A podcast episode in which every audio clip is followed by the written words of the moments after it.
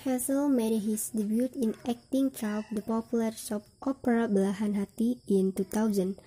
Later, he starred in Cinta SMU, Culunnya Pacarku, dan Rindu-Rindu Asmara. In addition to soap operas, Hazel also starred in two feature films. He is one of the actors in the film Gocha and Assalamualaikum Calon Imam. Not only a career in the country, the man who was uh, born on July uh, 25, uh, 1982 is also trying his luck in a career abroad, namely in Thailand.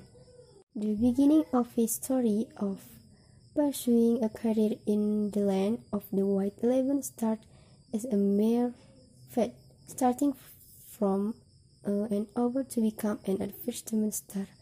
Hessel turned out to be selling well in Thailand. Despite having language difficulties, he eventually managed to start in several dramas there and play local people. Be one of the actors who play a real story that won the hearts of the audience. Having a calm facial charm, Hessel often gets the protagonist role in the soap opera series. In fact, the charm of Hessel Steven also led him to become a commercial star in Thailand.